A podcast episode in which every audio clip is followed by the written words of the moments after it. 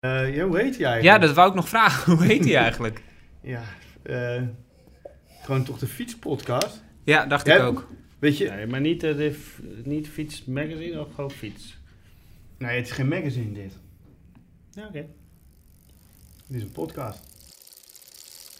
Langzaam, heel langzaam ontwaakt de fietser uit zijn winterslaap. Het scheermes komt tevoorschijn, de winterreserves op de heupen worden geïndexeerd. Een drupje vet op de ketting en dan naar buiten. Na de eerste rit weet je, er moet nog heel wat gebeuren, maar oh, wat is dit mooi.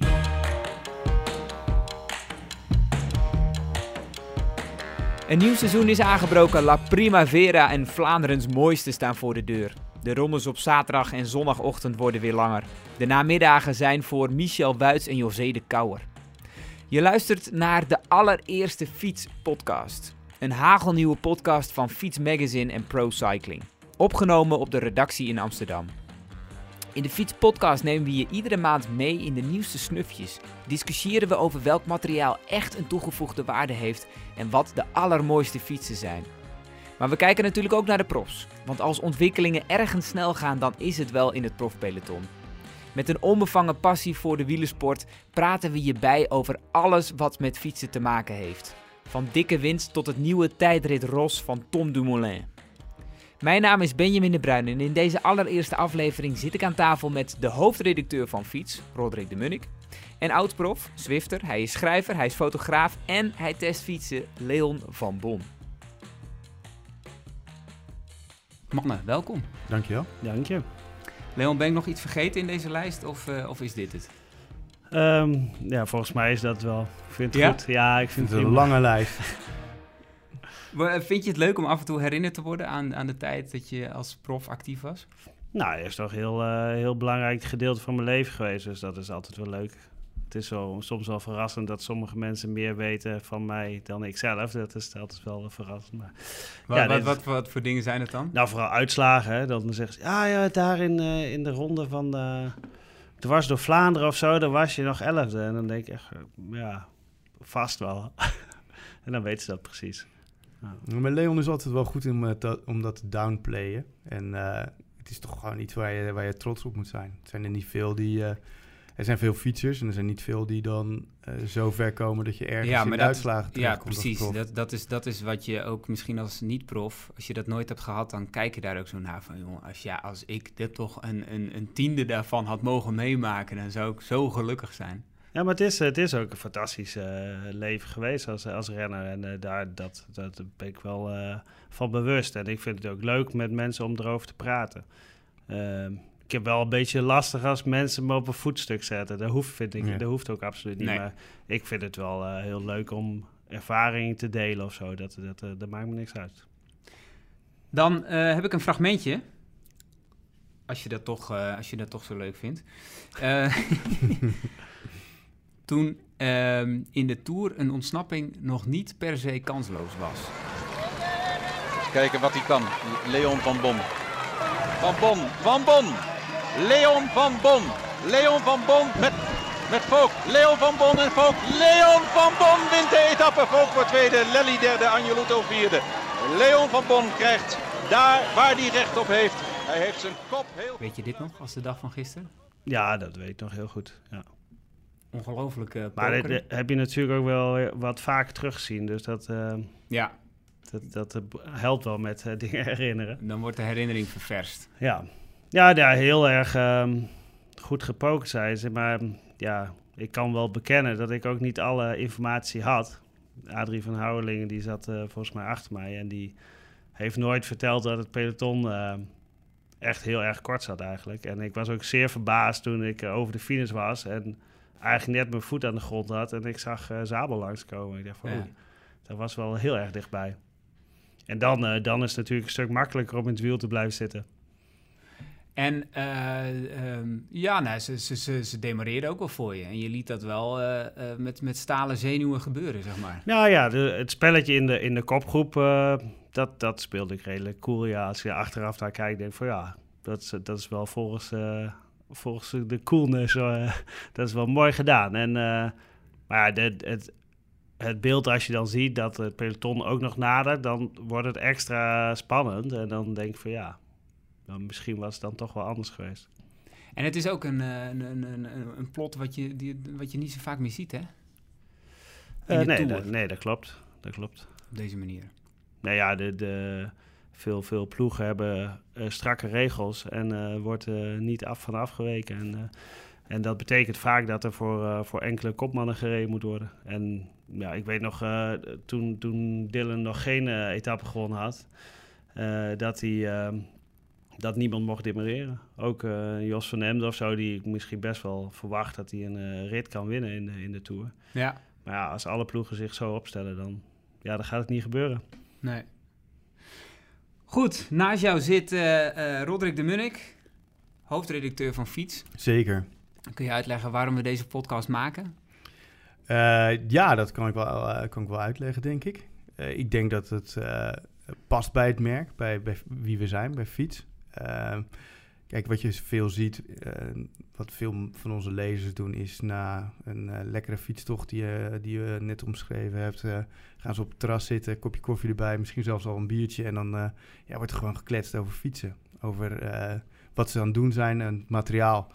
En dit is natuurlijk hetzelfde. Wat, hè, wij zijn ook gewoon diezelfde jongens. En eh, wij willen ook eh kletsen over wielrennen. Ja. We hebben er misschien iets meer eh, ervaring mee. We hebben ding- meer dingen geprobeerd.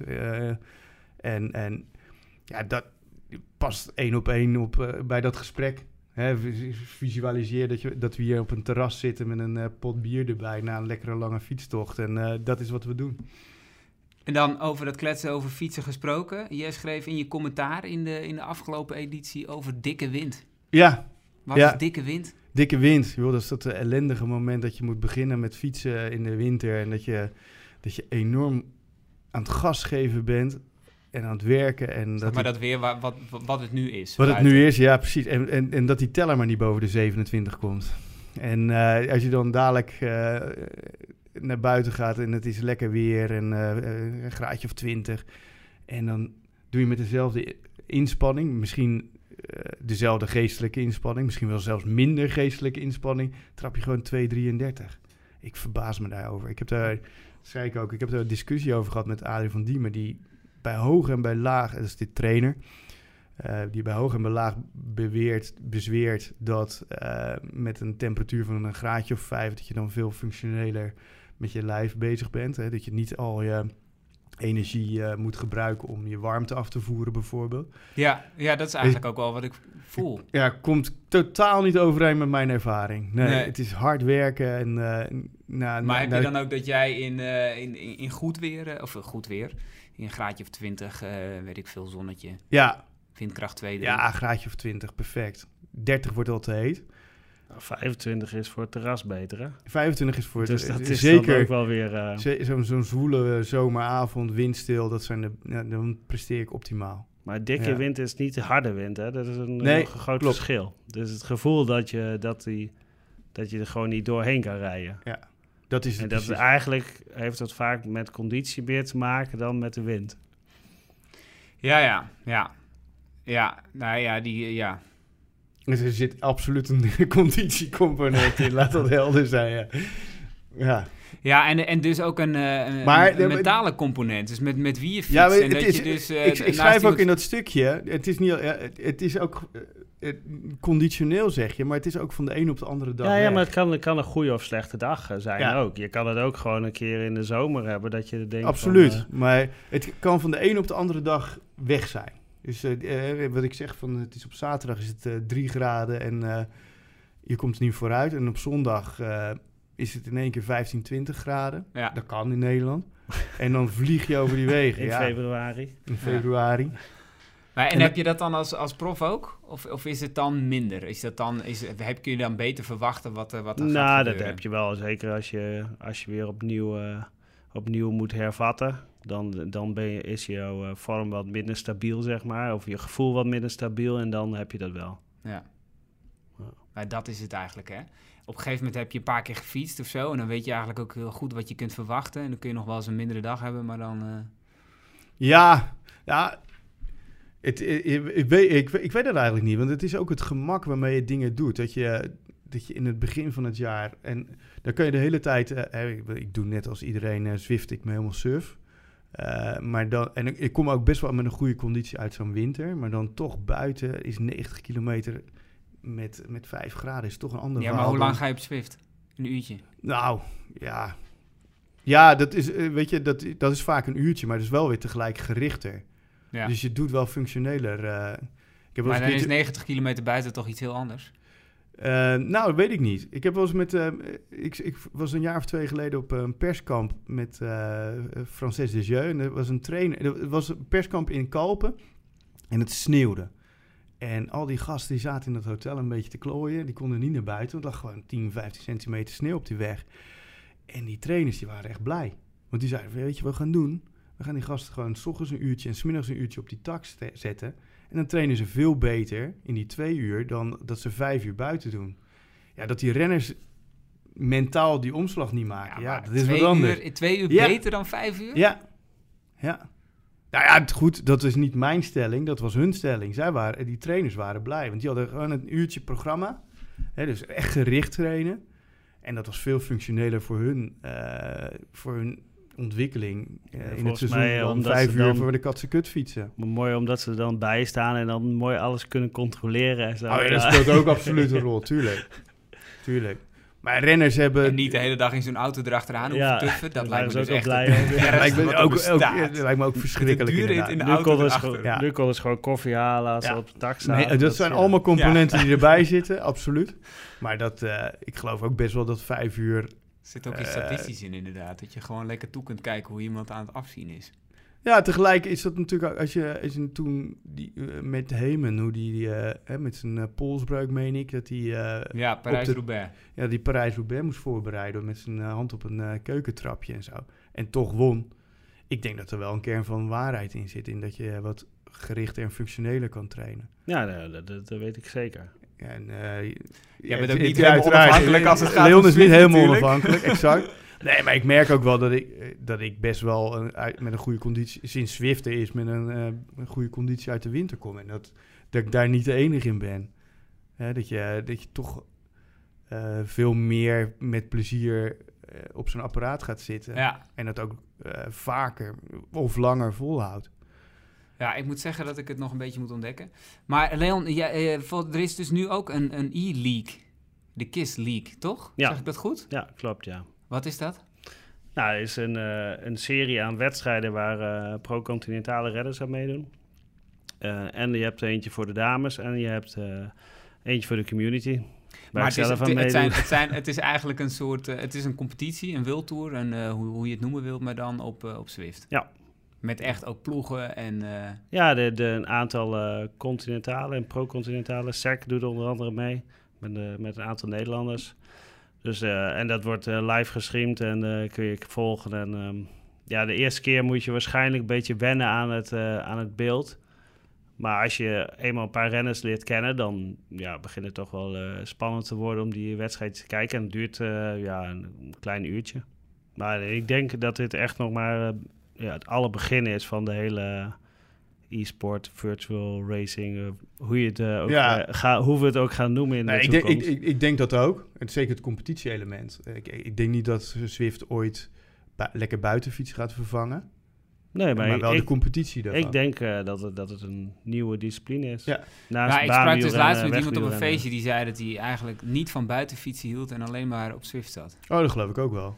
Ik ken, ik ken mensen, waar we natuurlijk eh, als, eh, eh, bij, bij een fietsclub, die, waar we smakelijk om lachen. Maar die rijden bijna alleen maar koers op Zwift. Ja. Die hebben nu, het, we, praten over half maart, hebben al 4500 kilometer op de teller. En waarvan waarschijnlijk 100 buiten. En eh, ja, dat zijn ook jongens die in een, eh, in een criterium, hè, dus wat we in Nederland natuurlijk als wedstrijdrenner eh, doen. Tussen vier dranghekken met kutmuziek, zeg ik altijd maar. En eh, ja, daar komen ze niet tot hun recht, want ze komen die bocht niet door of Ja. noem eens wat. Lastig in zo'n peloton rijden, gevaarlijk. Ja, dan, dan is zo'n wedstrijdje op, op Watopia dat is natuurlijk ideaal. Zwift als een nieuwe discipline naast BMX en bijvoorbeeld baanwielrennen en natuurlijk het wielrennen op de weg. Leon ziet dat wel gebeuren. We gaan het later nog hebben over schijfremmen, de nieuwe tijdritfiets van Tom Dumoulin en de waarde van renners op sociale media. Maar eerst de 12-speed van SRAM. Er werd lekker geheimzinnig over gedaan. Pros moesten zelfs met stickers op hun voorbladen treden om ervoor te zorgen dat niemand er stiekem een foto van zou maken. De nieuwe groep van SRAM heeft niet alleen een 12-speed achter, maar ook de voorbladen zijn veranderd. Door de 10 op de pion achter kan er voor een 48 of een 50 gemonteerd worden. Met als resultaat minder schakelen. Wie wil dat nou niet? Maar er hangt een prijskaartje aan. Met schijfremmen en een vermogensmeter is de adviesprijs van deze groep 4100 euro. Je hebt 12 speed, nou, je had uiteraard 11 speed. En kan je naar 12 speed tillen. En dan uh, kan je dat op alle, allerlei manieren doen. Um, en wat, je kan er natuurlijk gewoon een tandje tussen stoppen. En dan en dat moet heeft je, Kampa gedaan. Dat heeft Kampa gedaan. En dan zit je met, met uh, wat is het, voor 50 of 53 en achter een 11. Daar verandert niks aan. Uh, wat SRAM heeft gedaan, die heeft goed nagedacht over hoe de hele uh, schakelactie gaat. En die hebben door middel van een 48 voorblad en een 10 achter dezelfde maximale trapkracht gehouden, om het zo maar te zeggen. En tegelijkertijd, als je een 48 voor hebt, dan verandert je schakelgedrag. Je kunt dat langer op het voorblad houden. Um, en je kunt een vlakke pion houden bij hetzelfde bereik. En dat, dat beïnvloedt je schakelgedrag gewoon. En dat is wel, uh, dan denk je dus na over wat je aan het doen bent als ontwikkeling. En dan voeg je dus niet alleen maar een twaalfde tandwieltje toe, maar dan herdefinieer je ook het uh, schakelen. En is dat in de, is dat in de praktijk ook zo? Dat die, dat die, uh... Nou, ik heb van een uh, goede wielrenster vernomen dat hij veel langer op buitenblad zat en dacht van hé, hey, ik, ik, hoef nu pas naar het binnenblad. En dat, dat is, wij zijn best wel lastige momenten, die overgangen. En die overgang is sowieso al minder. Dus dat is al, al belangrijk, van buiten naar binnenblad. En dat je langer op op buitenblad kan rijden, is sowieso fijner. Ja. Is, er dan nog, is er dan nog een type, type renner of renster die daar uh, het meest voordeel bij heeft? De, um, ja, de luie schakelaar. nee, maar je hebt zeker... Ik heb het... Uh, ik heb het natuurlijk zelf ontdekt, ondervonden. Ik heb allerlei fietsen geprobeerd in mijn, in mijn werk. En je merkt bij mechanisch schakelen dat het gewoon net even zoveel meer inspanning is. Je hebt het over niks, hè? Maar dat je, dat je daar langer op je buitenblad blijft rijden, bijvoorbeeld. Dan ga je een klimmetje op, uh, zo'n zo viaductje, en dan blijf jij op het buitenblad of je blijft op die versnelling, omdat de handeling van het schakelen is dermate belastend in die inspanning dat je niet schakelt. En dan rij je uh, niet optimale, optimale versnelling. En met elektronisch schakelen bijvoorbeeld, heb je dat al veel minder. Dan is het gewoon een drukje op de knop en dan schakelt hij automatisch. En ja. wat je dan krijgt is dat je veel vaker schakelt. Echt gewoon tien keer zoveel schakelt dan dat je met mechanisch zou doen. Uh, waardoor je veel efficiëntere versnellingen rijdt. En dat bespaart energie. Dus uh, heel raar om dat, in, uh, om dat te merken. Ben je het daarmee eens? Nou, ik, heb, ik heb nog niet met, uh, met die SWAM gereden. Maar ik verwacht ook dat je, uh, wat je eigenlijk had met, uh, met het oude systeem, zeg maar dat je van een 53 naar 39 moet schakelen. Dat is een moment die je eigenlijk van tevoren moet plannen. Dat kan je niet, uh, als je dat doet op het moment dat je dat echt nodig hebt, dan ben je eigenlijk te laat. En dan is die overgang zo groot dat je, ja, dan heb je echt een moment dat je geen kracht kan zetten. En ja, dat wil je niet op dat moment. En uh, die overgang is veel kleiner bij, uh, bij SRAM. Dus dat, dat moment dat je daarover na moet denken, dat is een stuk weggenomen. En dat, uh, dat zou wel een groot verschil uitmaken. Ja. En of je echt lui bent, uh, dat, dat verhaal, dat, dat kan ik mezelf niet zo in vinden. Maar ja, dat, uh, hij heeft natuurlijk meer verschillende fietsen gereden als ik qua, qua systemen, denk ik. weet ik niet, maar ik heb wel meer versnellingen gereden. Als prof rij je natuurlijk altijd 53, 39. Ja, vaak wel. Ja, ja en dat ja. verandert een beetje. Maar uh, ja, als je natuurlijk, ik rij uh, over het algemeen gewoon op een 50 uh, voorblad. En ja, dan kan je in Nederland heel veel, heel veel, heel veel rijden eigenlijk. Dan hoef je alleen maar in, in, in, Limburg een keertje naar dat binnenblad toe. Dus ja, dan, dan is- ja, schakel je daar wat minder. Maar je schakelt aan de achterkant wat meer. Ja. En die kleine stapjes daar achterin is ideaal. Maar toch, ik vroeg me ook nog af, want eh, met, de, met een tienkransje, de efficiëntie daarvan is eh, veel, veel kleiner. En op je ziet dat de, de derailleurwieltjes worden groter, om dat beter te laten lopen. En dan De toch... efficiëntie betekent... Ja, om, omdat je... ehm, ja, als je aan een, eh, aan, aan een heel dunne as trekt om, om het rond te laten draaien, is veel lastiger dan iets wat groot, eh, groot is, die hefboom wordt. Eh, om die ketting een hele korte, korte ronding te laten Ja. lopen, is, is eh, niet echt goed voor die ketting, omdat en, hij een heel... eh, ehm, ja, scherpe maar, bocht en, en, wat, heb, wat Ja. heb ik eraan? Hè? Want eh, ik, ik ben niet... eh, ja, bij mij maakt het niet zo heel veel uit, zeg maar, als ik iets minder hoef te schakelen. Iets meer hoef te schakelen. Nou, je, je hebt grote bereik. En dat betekent dat je eigenlijk geen eh bergenverzet meer in je kast hoeft te hebben liggen. En dat Ja. is eigenlijk het enige wat je, wat je eraan hebt. En als, als Nederlander zijnde is dat voordeel natuurlijk wat minder groot dan dat je in, een, eh, in de meeste gebieden waar dan ook eh, wat meer heus hebt. Dus het gaat echt om die extreme... De... Ja, kijk, een, een Nederlandse fietser, ik weet niet of dat in het buitenland eh, heel veel anders is, maar daar zijn de parcoursen anders. Een Nederlandse fietser wil als, eh, bij voorkeur alles aan boord hebben. Ja, Eh, dus niet al te veel sleutelen als je naar de bergen toe gaat. En, dat, ja, dat bereik is natuurlijk eh, steeds dichterbij eh, door 12-speed. Ehm, dat lijkt me op zich niet zo, eh, niet zo gek. Alleen ja, die 36 of zo, wat je stiekem bij sommige cassettes of voor sommige derailleurs eh, kan, kan monteren, ja, dat is nog steeds zo. Dus het lichtste verzet is, is nog steeds hetzelfde. Ehm, er zit dus een, een tandje tussen. Dat is met 11-speed niet anders dan met 12-speed. Wat de grootste voordelen op de weg zijn, is dus nog even afwachten. Fiets jij al met deze groep? Laat ons dan vooral via social media even weten wat jouw ervaringen zijn. Dan gaan we door met de schijfrem. Is dat nou echt een verbetering ten opzichte van velgremmen? En is die gevaarlijk? Over de gevaren hebben we het later. Eerst vertelt Leon hoe hij overtuigd raakte van de schijfrem.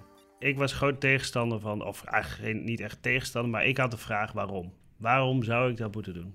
Überhaupt. Eh, ik rem altijd prima met gewone velgeremmen, dus waarom zou ik over moeten gaan?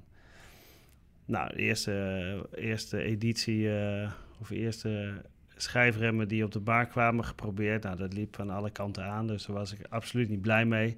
Ik was eh, helemaal overtuigd dat dat voorlopig nog niet aan mij was. Eh, toen heb ik de ride gereden. Heel veel regen gehad. En in de, in de bergen.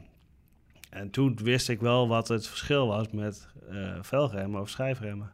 Die, die remmen gewoon altijd goed. Altijd hetzelfde. En eh, ja, voor mij een overtuiging dat dat ja, gewoon veel beter is. Het is, het is gewoon beter als velremmen. Dus ja, waarom zou je dat moeten kiezen? Ja, eh, je zou het niet moeten kiezen als je die paar, paar honderd euro in de, in de zak wil houden. Maar voor de rest is het gewoon beter. Want je hebt gewoon, je hebt gewoon meer remkracht. En het, en het is ook, eh, eh, eh, hoe noem je dat? Stabieler in kwaliteit.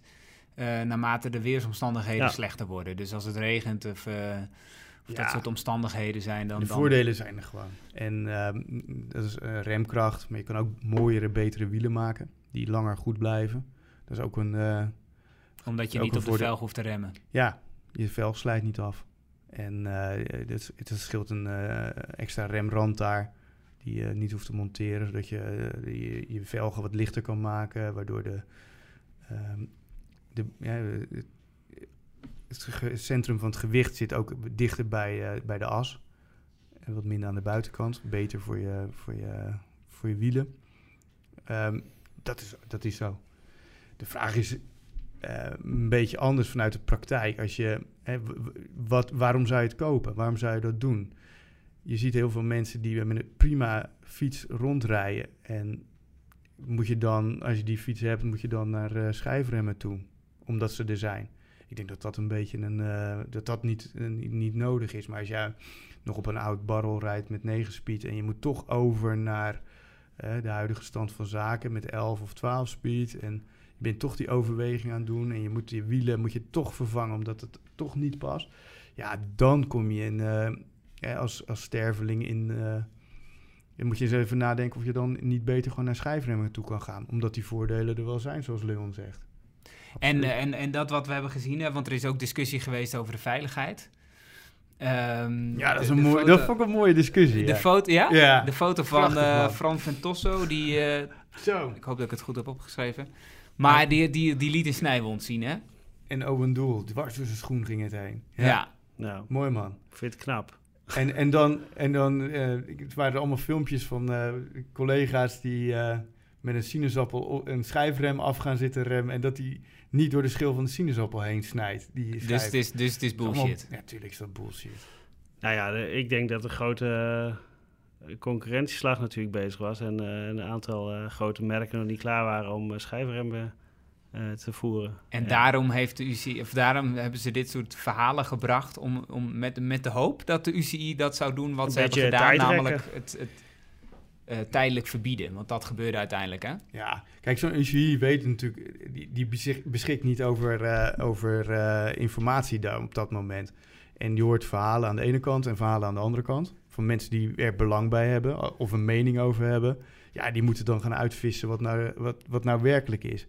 Maar dat van dat doorsnijden van een schoen, dat is echt gewoon onzin, jongens. Maar is, het- ik wist dat niet. Is dat algemeen bekend dat dat onzin was? Nee, dat is niet algemeen. Dat is inmiddels denk ik wel algemeen bekend. Maar toen was dat niet algemeen bekend. Kijk, er zijn natuurlijk wel nadelen aan eh, schijfremmen. Je moet, je moet er niet, als je een hele lange afdaling hebt zitten remmen, moet je niet je schijfrem vast gaan pakken. Die is gloeiend heet. Ja. Eh, dat, dat, dat weet iedere mountainbiker. Maar ja, als je met velgremmen op, eh, op een carbonnen velg gaat remmen in een lange afdaling... Word je ook heet. Ja, moet je ook niet aan ook, zitten. eh, dat, dat gaat zelfs stinken. Ja. Nee, en dat is natuurlijk ook de reden waarom je met schijfremmen beter uit de voeten kan. Ik kan me herinneren, ik heb eens een keertje de Punto Veleno gefietst. Het ligt bij het Gardameer. Die is 6 kilometer lang, 18% zeg ik uit mijn hoofd. O, misschien wel meer. En eh, met haarspelden. Maar ik moest dezelfde kant ook weer af. Ja, Ja, dan moest ik, moest ik gewoon drie keer afstappen om mijn velgen af te laten koelen. Want anders klap je band. Ja, dat is gewoon niet te doen. En dat, dat probleem heb je met schijfremmen veel minder. En dat wat je dan hebt in het peloton, hè? want je hebt nu dus de situatie dat je en schijfremmen hebt en velgremmen. Ja. Dat lijkt me niet eh, heel wenselijk, althans. Nou ja, de verhalen uit het peloton zijn dat je het merkt.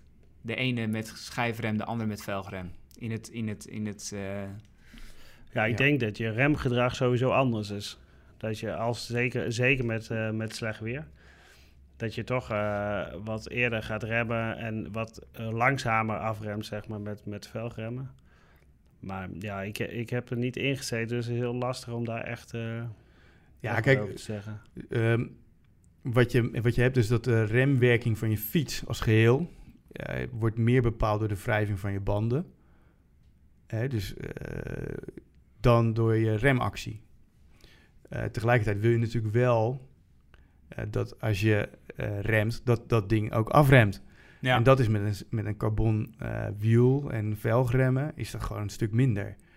Ehm, ook daar heb ik een fijne ervaring mee dat je in nat weer eh 25 meter later stilstaat en gewoon midden op de kruising door rood te- eh, tot stilstand komt. Omdat je, omdat je gewoon geen remgreep eh, grip hebt op je velg.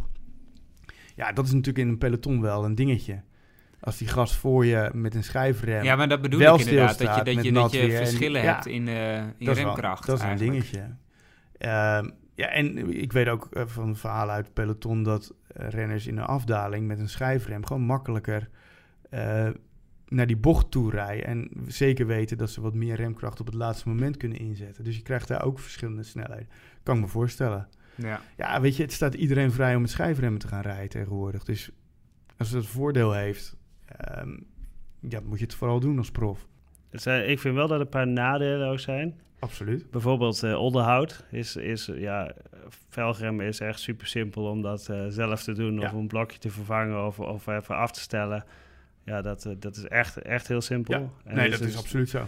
stuk ingewikkelder met, eh, met schijven. En, en wat eh, de ploeg ook best moeite mee hebben, is wielen vervangen. Als ze het lek hebben gereden. De- je, Mhm. ziet, je gaat gewoon zien dat ze, ja, ik denk 80% van de gevallen fiets gaan wisselen als iemand lek rijdt.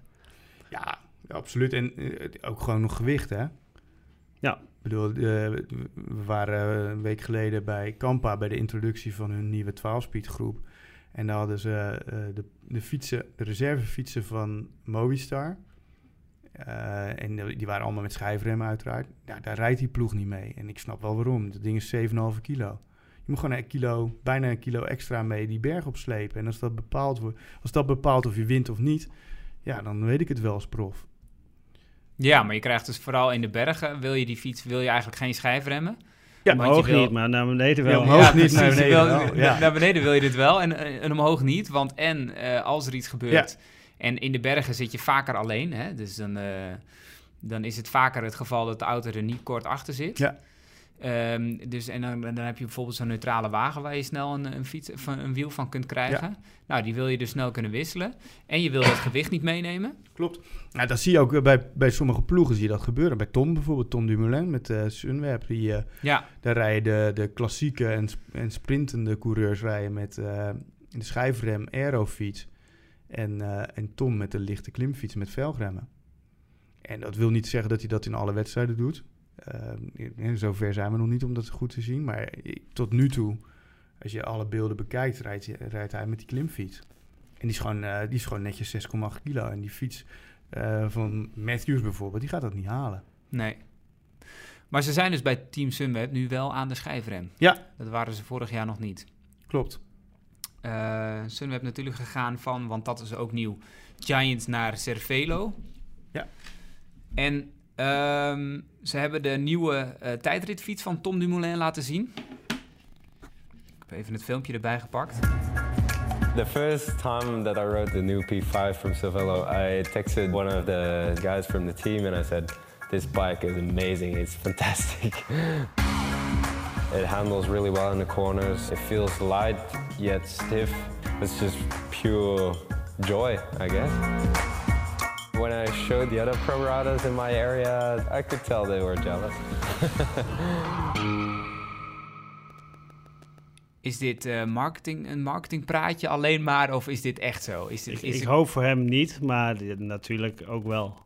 Ja, Ja, ik heb eh on the record nog weinig profs eh, horen klagen over hun fiets. Dus eh, ik, ik nee, er weinig niet, hij, hoeft niet, hij hoeft niet te klagen. Dat, dat, dat, dat doen ze misschien niet zo snel. Maar, maar eh, eh, hij geeft ook inhoudelijke punten waarom dat ding zo goed moet zijn. Namelijk, hij is stijf en hij eh, hangt goed in de bochten. Ja. Hij is licht. en en hij hij is, hij is licht. Ja, En waarschijnlijk, eh, toch? Of, ja, jullie kijken mij zo aan van, waar, heeft die jongen het over? Hij moet... Ja, eigenlijk, eigenlijk wel, ja. Ja? nu je dat zo zegt. Nee, ja, kijk, dit is gewoon een beetje standaard verhaal. Ja, dus het, eh, we kunnen er helemaal niks over zeggen of dat ding wel Ja, ik kan er wel wat over zeggen. Ik zou hem graag op onze meetbank willen hebben. Of vergelijken met andere fietsen die wij, eh, die wij eh, ook getest hebben. Ik zou hem in een windtunnelsituatie willen zien, willen zien. Kijk, wij, we gaan naar al die introducties. En dit is het standaard verhaal. Hij is altijd lichter, stijver en, en rijdt lekkerder. Maar en, en, het, is, het is nog niet in te schatten of dat echt zo is. Nee. Of, of Nee. dus dus dit, dit kunnen we meteen vergeten eigenlijk. Nou, ik hoop dat het Nou waar is. kan- want, eh, je- hij moet wel de Giro erop winnen. Dus. En je kan eh, die fiets zien en dat is een beetje eh, wat je eraan hebt. Maar verder niks. Nee, en volgens mij is het ook helemaal niet zo ja, relevant. Het is natuurlijk wel relevant, maar die fietsen liggen, heel- die frames van die, van die, eh, van die bouwers liggen heel dicht bij elkaar. Er zit allemaal best veel tijd en moeite in. En dan gaat het er meer om van zit je goed op die fiets, ben je goed gepositioneerd, is daar aandacht aan besteed. Eh, dat is eigenlijk nog bepalender dan de fiets zelf. Het geheel van de fiets en de rijder is bepalender dan de fiets zelf. Ja, is er echt geen, geen frame dat er bovenuit steekt of zo? Of, of, of dat echt voor de, voor de tijdrijders het summum is? Ik kan me, eh, ja, dat, dat was Cervelo zeker. En of dat nu zo is, dat kan ik niet nu beoordelen.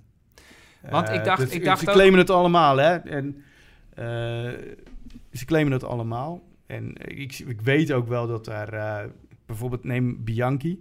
Die hadden een, eh, een fiets waar eh, toen Bauke Mollema een keertje, volgens mij drie na laatste of zo, werd in de tij- afsluitende tijdrit van de Tour de France. Waarop hij zijn, goede klassering Ja. verspeelde. Of Ja. in ieder geval een paar En- plaatsen inleverde. Ja, en daarna zijn ze echt heel veel beter geworden, die fietsen van die tijdritfietsen van Bianchi. Dus die zitten ook nu bij de top. Absoluut, dat is absoluut zo. Maar ja, wat het onderliggende verschil is, dat is echt best wel, eh, ik denk wel gewoon redelijk uitwisselbaar. Maar je hebt bijvoorbeeld Rowan Dennis, Ja. wereldkampioen tijdrijder geworden afgelopen september. Eh, in januari was al het eh, nationaal kampioenschap tijdrijden. Hij is van BMC naar Merida gegaan. En hij zei zelf in een interview dat hij ongeveer dezelfde waarde strapte, zelfs iets beter. Maar uiteindelijk langzamer ging en dus ook tweede werd op eh, 22 seconden van Luke Durbridge.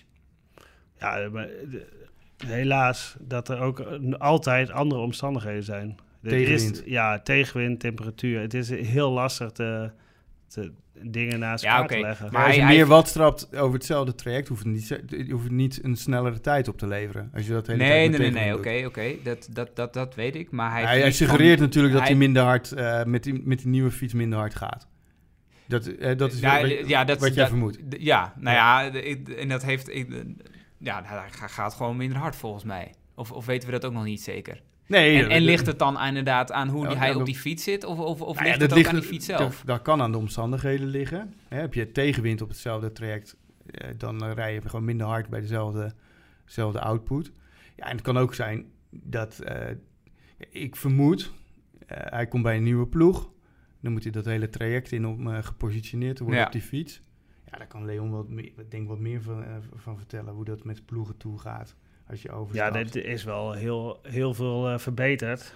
Eh, ik heb één keer ooit in een windtunnel gezeten en toen eh, het volgende seizoen vroeg ik waar die papieren waren en die waren allemaal verdwenen. En toen bleef ik gewoon in dezelfde ploeg en dan wisten dus niet meer hoe die eh, fiets afgesteld moest worden. Dus ik denk dat dat nu niet meer gebeurt.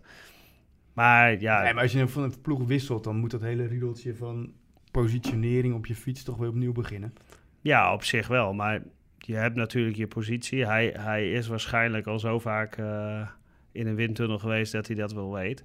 Maar eh, de fiets blijft altijd nog maar een klein onderdeel van het geheel. En ehm, ik weet niet hoe lang die tijdrit was, maar 22 seconden is op zich best een... eh, Kleine marge.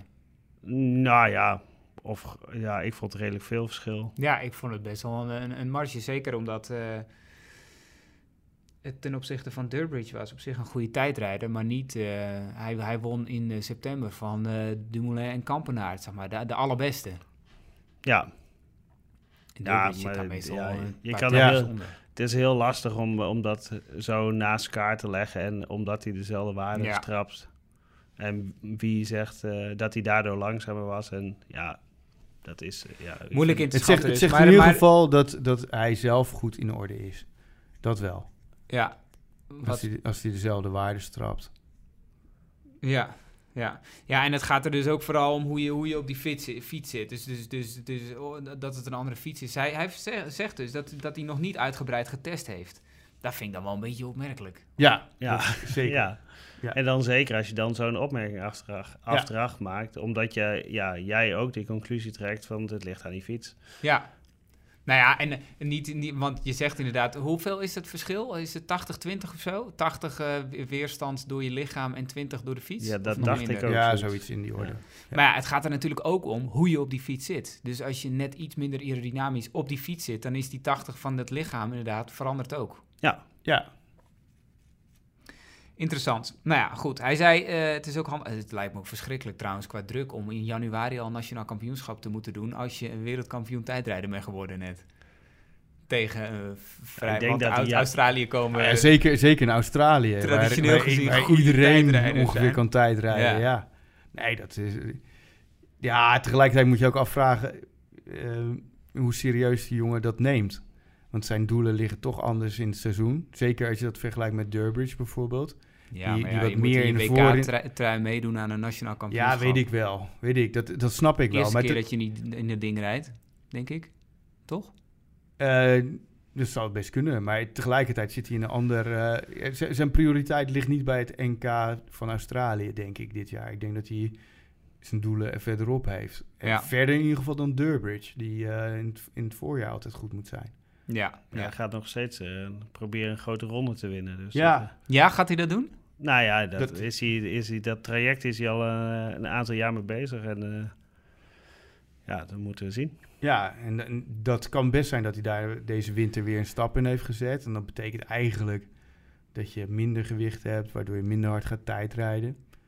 Ehm, dat, dat soort informatie moet je ook hebben, wil je dit kunnen beoordelen. En is dat, eh, kan dat? Kan, kan zo'n man dat? Als je Nou ja, er zijn- zijn, zijn eh, genoeg voorbeelden dat het kan, maar er zijn er natuurlijk ook genoeg die, dat het niet kan. Dus Ja. dat, eh, Een voorbeeld waarin het niet kon is bijvoorbeeld Tony Martin, die het ook probeerde. Ja. Ja. Maar eh, Thomas, eh, Wiggins, Ja. Dumoulin, die kunnen het allemaal wel. Ja, En, en Rowan Dennis is misschien wel van hetzelfde, hetzelfde niveau. denk ik. Ja. Wisten jullie trouwens dat Tom Dumoulin weer op Twitter zit? Zo nu en dan zie je weer wat van hem voorbij komen. Hij had een radiostilte van anderhalf jaar. Brengt ons op het volgende onderwerp. Wat is de waarde van renners op social media? En hoe kunnen ze dat inzetten? Want eh, Leon, jij kwam zo net binnen en je had een appje waarop je kunt zien hoeveel, hoeveel je per Instagram-post waard bent. ja, klopt ja. Wat, wat is dat voor... eh, Nou, er zijn een aantal verschillende. Ik heb een, eh, ik, ik had toevallig, ik had gisteren even eh, als, als voorbereiding op de podcast even gekeken. En dan kom je bij een Amerikaans, eh, kwam ik uit en een Engels. En dan lijkt mij voor de ehm, Nederlanders of voor de Europese mensen de Engelse wat representatiever dan de, ja. dan Amerikaans, omdat die markt überhaupt groter is. Dus daar zullen ze andere, andere getallen op zetten. En dan, ja, dan- kom je uit bij eh Roderick, die had 0 eh, euro waarde per post. Zo ongelooflijk populair, jongen. Terwijl jij altijd roept dat eh, renners en mensen in de media Ja. zichzelf meer Ja, moeten neerzetten om, om, om dat merk te bewaken. Ja. Ja. Maar nee, ja, dat, ik, eh daar ben ik nog steeds eh, van mening, inderdaad. En dat hoeft niet alleen niet voor mijzelf te gelden. Ik vind dat voor mijzelf niet zo heel belangrijk. Maar dat is een heel, ik heb heel andere overwegingen natuurlijk. Maar ja, je, had, je, had, eh, je hebt dus uitgezocht hoeveel je waard bent. Ik heb mezelf even onder de loep genomen, ja. Ik kwam op eh, 60 eh, pond, 60 tot 80 pond per eh, post uit. Ga je nu, nu je dit weet, ga je je daarop aanpassen? De Eh, tarieven gaan omhoog. eh, nee, want ik doe er eigenlijk niks, eh, niks betaald op Instagram. Dus dat... Nee, wel een... nee, maar Leon, weet je, ik eh, volg jou natuurlijk heel goed op social media. En ik vind dat jij dat prima doet. En dat, eigenlijk ben jij... nou, prima, dat is toch fantastisch? Ja, sorry, Ja, ik, vind het, ik vind het... Ja. ehm, je wil niet op een voetstuk geplaatst worden, dat snap ik. nou, maar nu daar over fotografie mag wel, hè. dat vind ik wel weer leuk. Ja. Nee, maar- ja, absolute volgtip. Ik vind Ik- het echt geweldig. eh, maar, maar, maar ja, je bent Je fotograaf. Je hebt natuurlijk Ja. heel veel eh, oog voor ook. Hoe je, dat, hoe je dat mooi neer kunt zetten. En volgens mij vind je het ook leuk. Ja, ik vind het heel leuk om te doen. Het is eh, af en toe wel een beetje... Bijvoorbeeld eh, de flattop ketting, toch? Had Ja, je er ook ja, op? ja, klopt, ja. Heb je een, een fascinatie voor eh, kettingen? Ehm, nee, niet, niet pe- speciaal. Is wel een mooi onderdeel van de fiets, maar dat niet... Ik zag namelijk een post waar, waarbij je een soort liefdesverklaring had aan een ketting. Of, of de foto van een ketting. Dat kon ik niet helemaal... eh, ehm, ja, dan moet je me even, even helpen herinneren. Nou, dat was de vorige ketting die je plaatste met die druppel eraan. Oh ja, Ja, maar dat, dat vind ik wel... Ja, het was meer een... een- dan wordt het... eh, foto. ja, als je, als je details uitvergroot, dan zie je eh, eigenlijk hoe mooi eh, sommige Ja. onderdelen zijn. Zeker.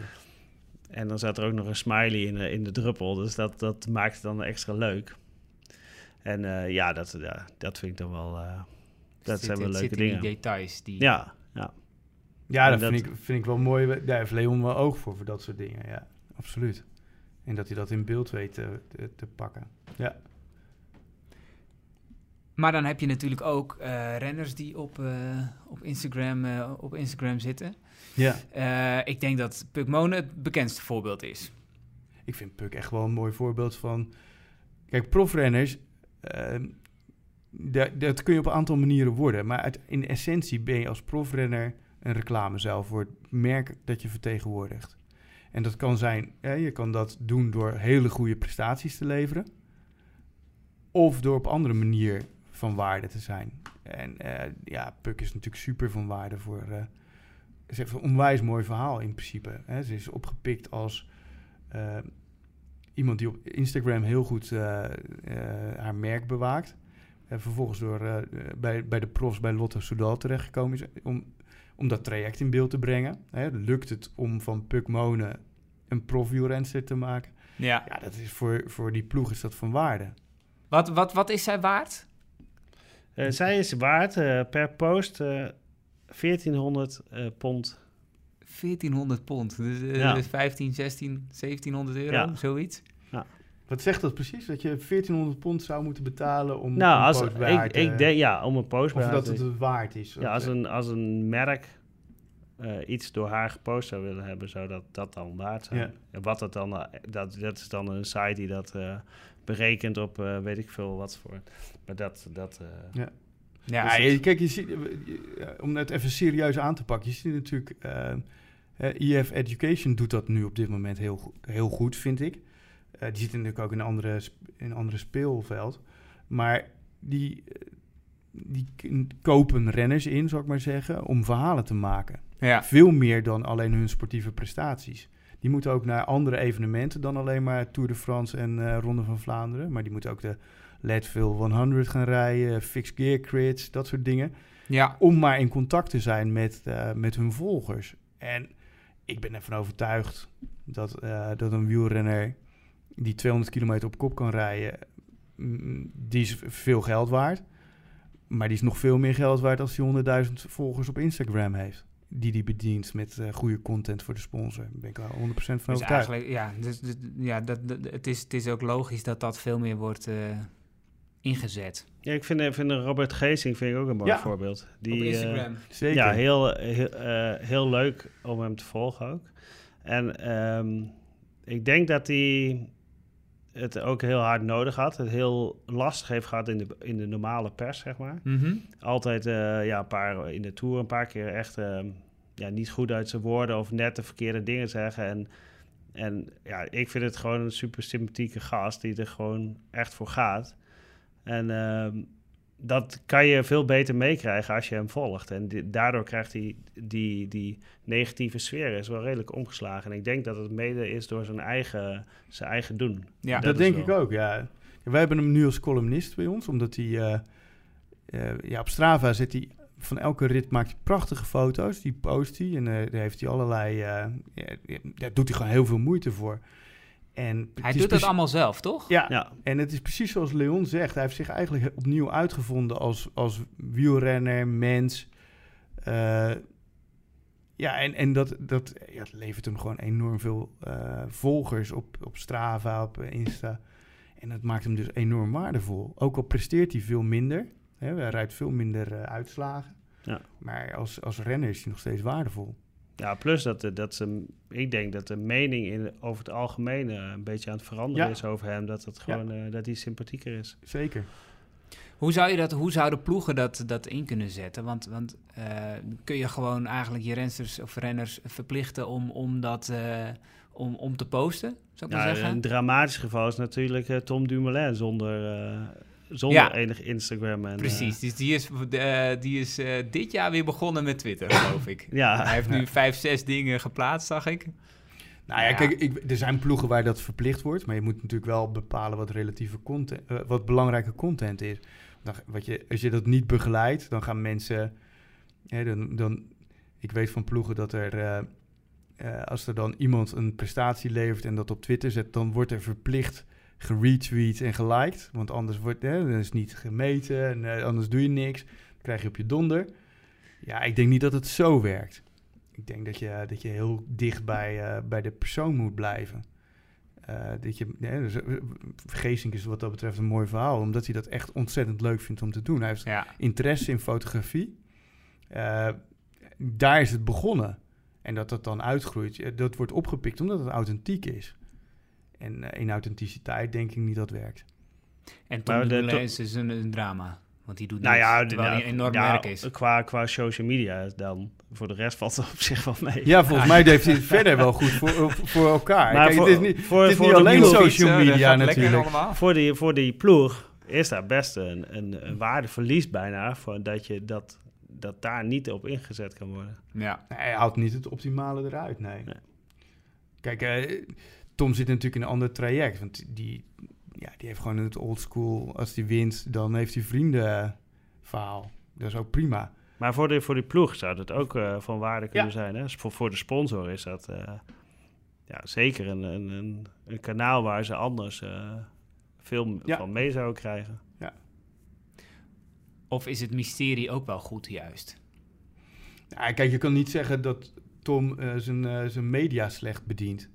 Ja, want hij is juist in de traditionele, eh, traditionele media exact. heel sterk. Ja, Als hij een keer iets Ja. vertelt, dan doet hij dat altijd met, met, een, eh, met flair of met, in ieder Ja. geval met... eh, Ja. ehm, zodat je de gunfactor, eh, nee, maar ik zodat denk, hij de gunfactor krijgt. ik, ik, ik, kijk, ik denk dat Tom het niet zo heel belangrijk vindt. Maar ik denk dat hij met een goede social media strategie en, en ook andere keuzes op, op ploeggebied, dat hij gewoon het, misschien wel het dubbele salaris zou eh, binnenhalen per jaar. Andere keuzes op ploeggebied? Nou ja, kijk, dan dan moet je naar een ploeg gaan waar ze dat geld voor hem over hebben. Oh, zo ja. Ja. Ja. als je, eh, dan kom je bij Astana of zoiets terecht, of bij Katusha, dat soort ploegen, ja. die gewoon wat, eh, wat, makkelijker, eh, wat makkelijker lappen. Maar ja, ik, ik, denk- ik vraag me af of hij dat wil. Ik denk Nee, de- niet. anders had hij daar wel gezeten, denk ik. Ja. Eh, jij bent dus 0 euro waard. Ja. Maar ik zag wel dat je bij de presentatie was van het parcours eh, voor de Vuelta in 2020. door je eigen ja, stad. klopt. Ja, Eh, en Rotterdam wil ook de start van de Tour weer. ja. Is dat iets waar we iets aan hebben? Eh, dus ze zullen in ieder geval denken van wel. En voor mij is het niet zo ver weg. Dus dat is, ik heb Dat er is- sowieso dat wat is- aan. dat is, eh, Kijk, ik, ja, als Utrechter, ik liep door die stad toen de Tour er was. Dat was toch één groot feest. Ja. Dus heb je daar wat aan? Ja, natuurlijk. Als je, ja. Als je, ja, weet je, dat is, het zijn unieke momenten. En eh, wat, wat mij betreft, ik ben eh, niet, zo, eh, niet zo conservatief. Eh, dat mag best wel wat geld kosten. En ik bedoel, ik- het was ook geen egoïstisch wielrenfeestje. Want heel Utrecht stond op zijn kop, drie, vier dagen lang. Ook de niet-wielrenners hadden, een- hadden een Merk je met het blad periode. dat er iets, iets verandert in zo'n, eh, in, in zo'n periode? Kan ik dat goed geloven? Alleen eh, op de lange termijn, zeg maar? Le- Levert het eh, abonnees op? Of, Nee. Nee. Dat effect is wel. kijk, ik denk. ik denk dat als je dat. als je maar vaak genoeg de tour organiseert. en, en wielrennen aandacht geeft. dat dat uiteraard een positief effect heeft. Maar dat is niet zo meetbaar. Het is niet zo dat als je de tour in Utrecht organiseert. dat we dan. eh, eh, eno- enorm veel magazines meer gaan verkopen. Kijk, dit jaar eh, verkochten we van de Tour Special meer dan het jaar daarvoor toen die in Utrecht was. Dus het Nederlandse effect ehm, is niet zo groot. Het is belangrijker dat Tom Dumoulin denkt dat hij Ja. gaat winnen. Of dat wij denken dat hij gaat Ja. winnen. Dan, eh. ja. Ja, dat, Maar ja, ik vraag me wel af van... Ja, de, als je dat een keer doet, de, de, de Tour naar Utrecht halen... dan is dat natuurlijk een mega-event. De volgende keer dat de Vuelta komt... zal allicht een stuk minder zijn, ja. ja, klopt. denk ik. Maar de Vuelta kost ook minder. Dus Ja, dat is ook weer natuurlijk een, een afweging. Kijk, en ik denk ook dat het voor de ene stad meer effect heeft dan voor de andere. Hè, als je Rotterdam afzet tegen Utrecht. Utrecht is eh, toch al een, meer een eh, fietsstad qua imago dan, eh, dan Rotterdam. Ik denk dat het relatief een groter effect heeft op Utrecht dan op Rotterdam.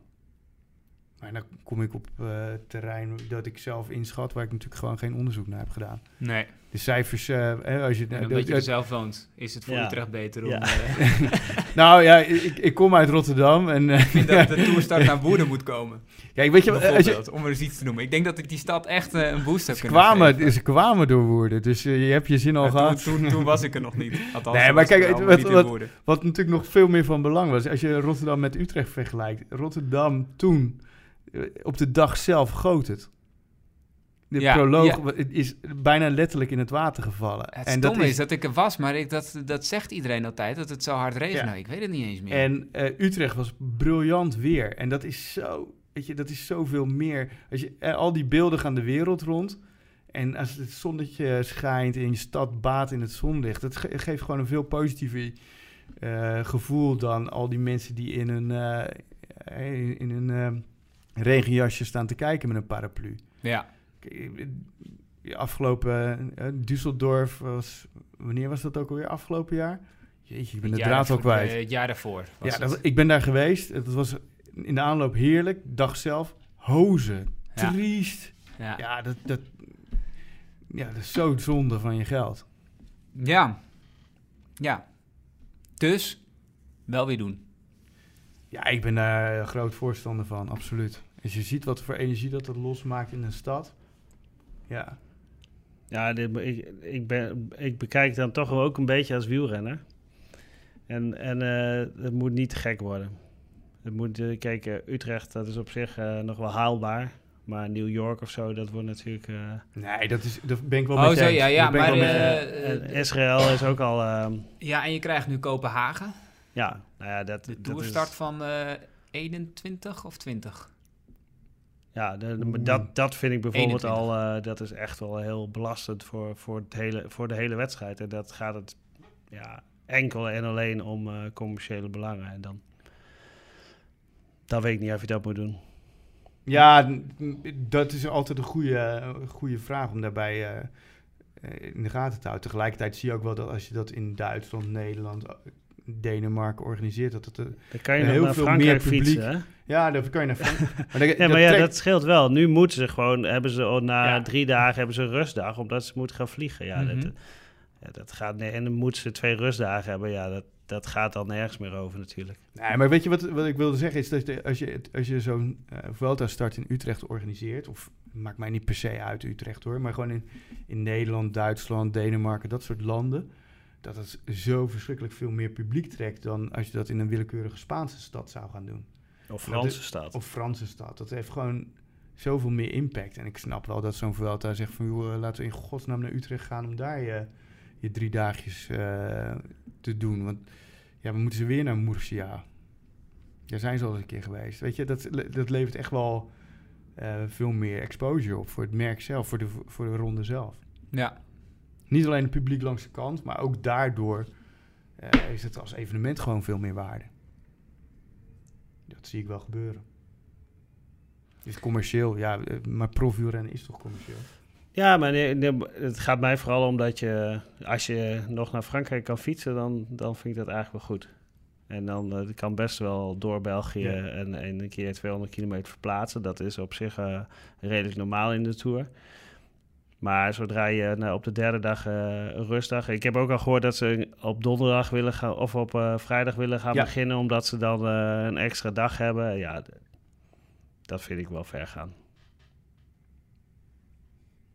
Ja, maar is het, dat, is- dat vind ik wel conservatief, als ik heel eerlijk ben. het is toch, het is toch eh, de, ehm, ja, dat er naar nieuwe vormen wordt eh, gezocht. En dat het niet meer altijd drie weken, 21 dagen, Nee, maar dat, daar ben ik... Daar ben ik beginnen, zondag eindigen. Daar ben ik op zich wel mee eens. En eh, op, op vrijdag beginnen, als dat eh, op zich beter is eh, voor het event, zou niet eens verkeerd zijn. Maar en, eh, vergis niet dat je als je een reisdag hebt in de Tour dan, en ze vullen dat in als rustdag, ja, dat is totaal geen rustdag. Nee, maar ik snap wel wat waar. Leon zegt. Ik ben wel eens een keertje op vakantie geweest bij het Gardameer.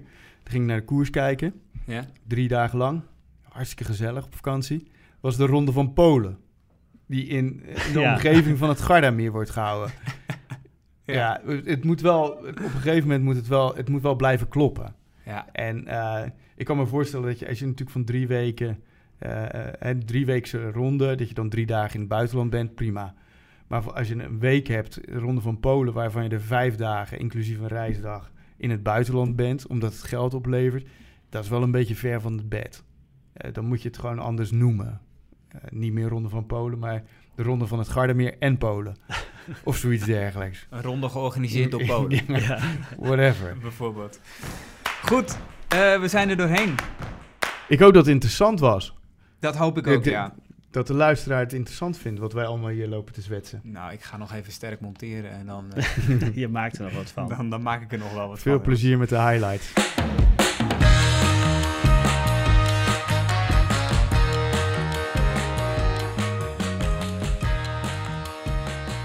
Dit was de allereerste fietspodcast. We zijn er elke maand. Laat ons weten wat je van onze podcast vindt. De volgende keer gaan we het hebben over data, maar ook over romantiek. Dat lijkt namelijk de tegenpol te zijn van data. Vergeet ons niet te recenseren in de podcast-apps en tot de volgende aflevering.